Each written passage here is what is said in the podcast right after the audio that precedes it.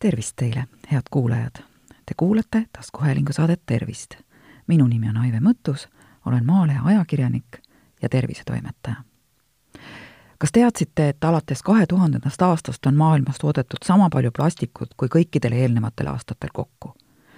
ja sellest kolmandik on lekkinud loodusesse. plastik saastab õhku, mida me hingame, toitu, mida sööme ja vett, mida joome neelame nädalas keskmiselt viis grammi mikroplastikut. seda on umbes ühe visiitkaardi jagu. ja see kõik on inimtegevuse tagajärg. muutes üheskoos oma tarbimisharjumusi, saame vähendada plastiku tootmist. üks lihtne võimalus on täita oma klaasist või metallist korduvkasutatavaid veepudeleid, mitte aga osta iga kord uusi plastikpudeleid veega. meie endi, meie laste ja ümbritseva keskkonna ilu ning tervis on meie enda kätes vabane plastikust, sina vastutad. Nonii, nüüd te mõtlete kindlasti, et mida ma siin stuudios üksipäini skandeerin. tegelikult on sedaviisi, et äh, mulle pidi tulema külaline, kellega oleksime vestelnud mikroplastiku mõjust inimese tervisele. aga kahjuks ta haigestus ning ma pean selle teema käsitlemisega üksi hakkama saama kasutan selleks mitmel pool meediaväljaannetes, eelkõige aga teadusportaalis Novaator ilmunud materjale. kiikasin ka BBC Newsi ning vahendan Maailma Terviseorganisatsiooni seisukohti. kaheksarealine tekstilõik aga, mille ma ette lugesin just, pärineb veebilehelt minavastutan.ee ning tegemist on plastiku massilise kasutamise vastu võitleva kampaaniaga ja kui vaadata, mis ümberringi toimub, siis ähm, tõesti ei saa eitada, et keskkonda jõuab väga-väga suures koguses plasti ning äh, selle lagunemisel tekivad ka mikroskoopilised osakesed, mis võivad toidu, joogi ja õhuga inimese kehasse sattuda.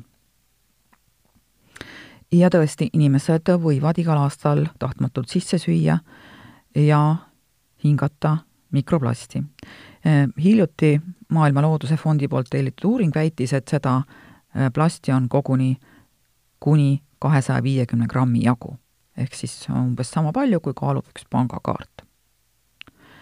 ekspertide sõnul aga napib sedavõrd täpse hinnangu andmiseks kvaliteetseid alusandmeid ja selgus puudub ka plasti tervist kahjustava toime osas. minu teada pole keegi süstemaatiliselt analüüsinud, äh, kui palju neid äh, osakesi on.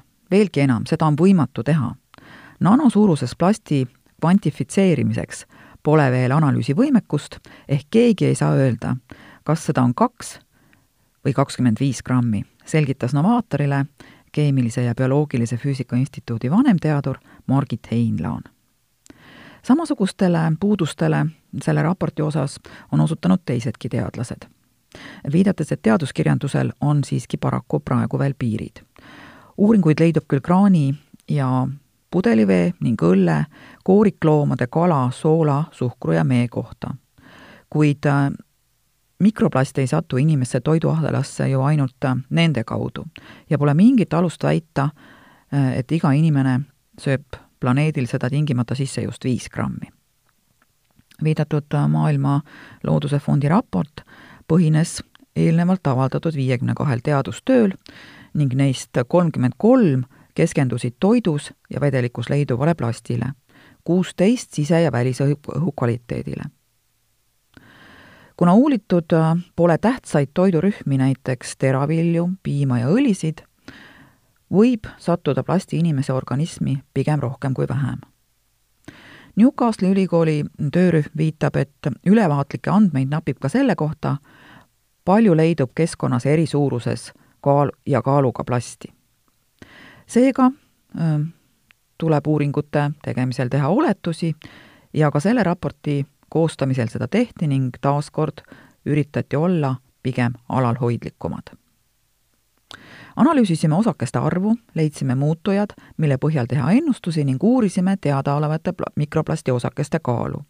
leidsime selle põhjal meetodi, kuidas arvutada osakeste arvu põhjal nende mass, selgitas Maailma Looduse Fondi piirkondliku kampaania juht Michael Alexander.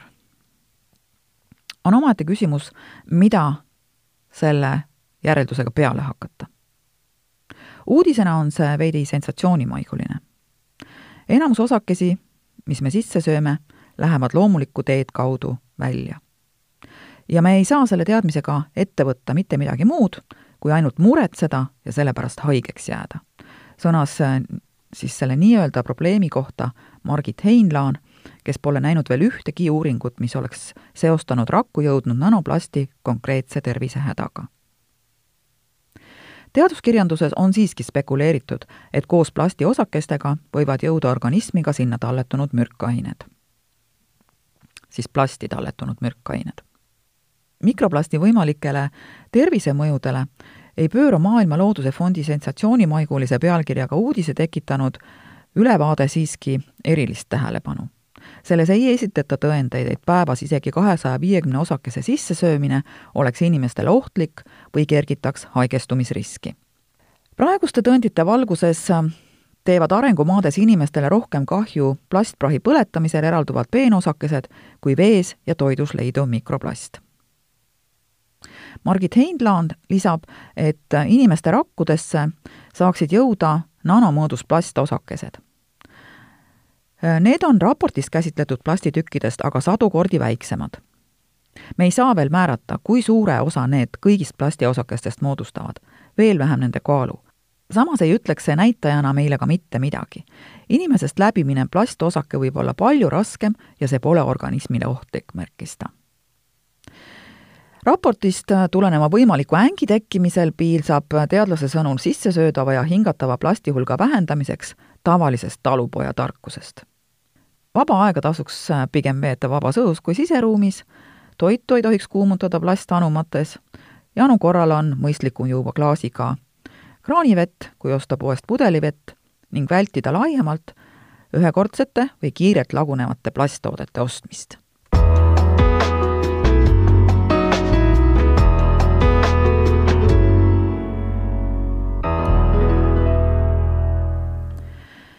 selles, et suur osa maailmas müüdavast pudeliveest on saastunud tillukestest plastitükkidest, pole aga midagi uut.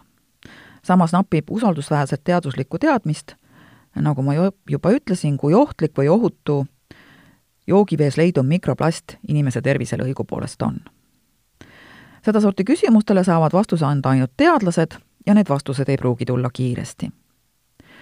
kui küsimus on ohtudes inimese tervisele, siis vaevalt, et mikroplasti osakesed joogivees ägedaid mürgistusi kaasa toovad. ja näitena võib äh, tuua siia mõned aastad tagasi meedias laia kõlapinda leidnud analüüsi, millest selgus, et maailma eri paigus äh, ostetud kahesaja viiekümne üheksast veepudelist leidus mikroplasti tervelt kahesaja neljakümne kahes. see tähendab, et suuruselt juuksekarva läbimõõduga võrreldavaid plastitükke leidus enam kui üheksakümne protsendis uuritud proovidest. uuring haaras üht-teist erinevat pudelivee brändi ja selliste suurfirmade toodangut nagu Coca-Cola, Nestle, PepsiCo ja Danone. kõnealuse analüüsi taga oli siis ja on ka praegu tegelikult ajakirjanikke koondav mittetulundusühing Orb Media. ja sama organisatsioon on varem ka luubi alla võtnud kraanivee.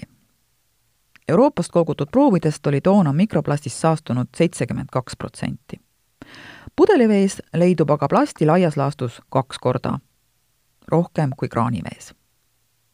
enim määratud plastitüüp on siis polüpropüleen ja sellest tehakse näiteks pudelikorke. uuringu läbiviijad spekuleerisid, et suurem osa määratud osakestest tuleb tõenäoliselt pakendist endast. seda enam, et plastivillitud tootel oli umbes seitse korda suurem osakeste sisaldus kui klaasi villitud sama kaubamärgi tootel samas ei uuritud äh, analüüsis nanoskaalas mikroplasti osakesi, vaid mikroskaalas. ja tulemus oleks võinud äh, viia teistsuguste järeldusteni, kui oleks uuritud siis nanoskaalas mikroplasti osakesi. mikroplasti nähtavaks muutmiseks kasutas äh, kõnealune töörühm niinimetatud niiluse punast ja see värvaine toimib nii, et kleepub plasti osakeste külge ja hakkab kindlat äh, värvi valguse all helenduma. varem on seda ainet kasutatud muuhulgas ka mereveest plasti otsimiseks. suuremaid, enam kui saja mikromeetrise läbimõõduga osakesi uuriti täiendavalt infrapunaspektroskoopia meetodil, keeruline sõna välja öelda lihtsalt öeldes saab seega vaid suuremate osakeste puhul kindlalt väita, et tegu oli plastiga. väiksemad osakesed olid tõenäoliselt plastitükid ja värv võib kleepuda näiteks ka rasvade ja valkude külge, kuigi neid ei tohiks ju pudelivees väga palju olla.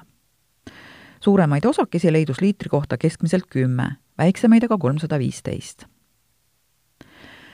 keemilise ja bioloogilise füüsika instituudi vanemteadur Margit Heinla selgitas äh, toona siis äh, seda uuringut kommenteerides, et äh, lähtudes saadaolevast infost ei taha ta uuringu tulemusi ümber lükata, vaid juhtida tähelepanu sellele, et määratud osakesed ei olnud kindlasti sada protsenti sünteetiline polümeer.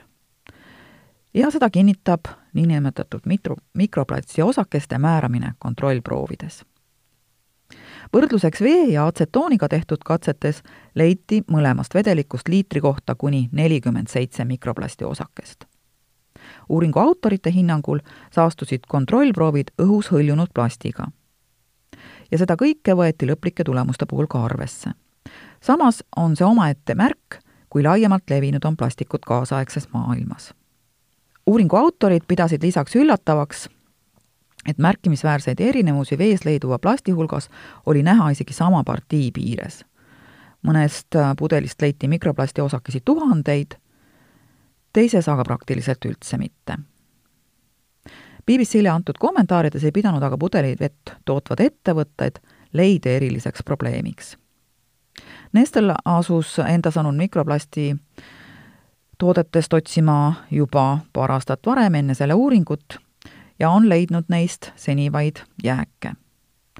Coca-Cola rõhutas, et kasutab mitmeastmelist filtreerimisprotsessi ning on seadnud endale ranged standardid. Samas nad nentisid, et, et, et mikroplasti leidub tõesti kõikjal ja ei saa välistada, et osa jõuab ka kõige rohkem puhastatud toodetesse Danone viitas, et ei saa tulemusi ebaselge metodoloogia tõttu kommenteerida, kuid kasutab vee pakendamiseks toidu jaoks mõeldud pakendeid. samas rõhutas ettevõte, et teadlased pole kokku leppinud, kuidas mikroplasti puudutavaid uuringuid täpselt teha. PepsiCo tõi välja, et teeb müüdava pudelivee ohutuse tagamiseks kõik endast oleneva ja kasutab karmi kvaliteedikontrolli ettevõte nentis ka, et mikroplasti uurimine on alles lapse kingades ja tarvis on teha täiendavaid analüüse ning uuringuid.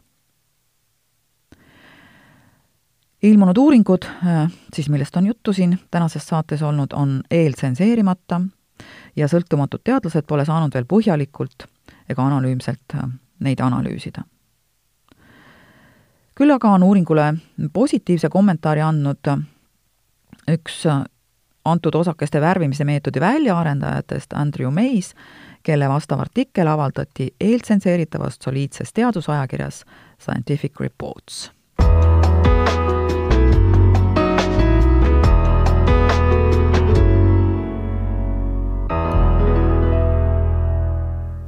on päevselge, et mikroplastist on meil igapäevaelus üha raskem täielikult hoiduda Äh, plastiga on otseses kokkupuutes nii kraani kui pudelivesi ja ka enamus äh, toitu, mida me sööme.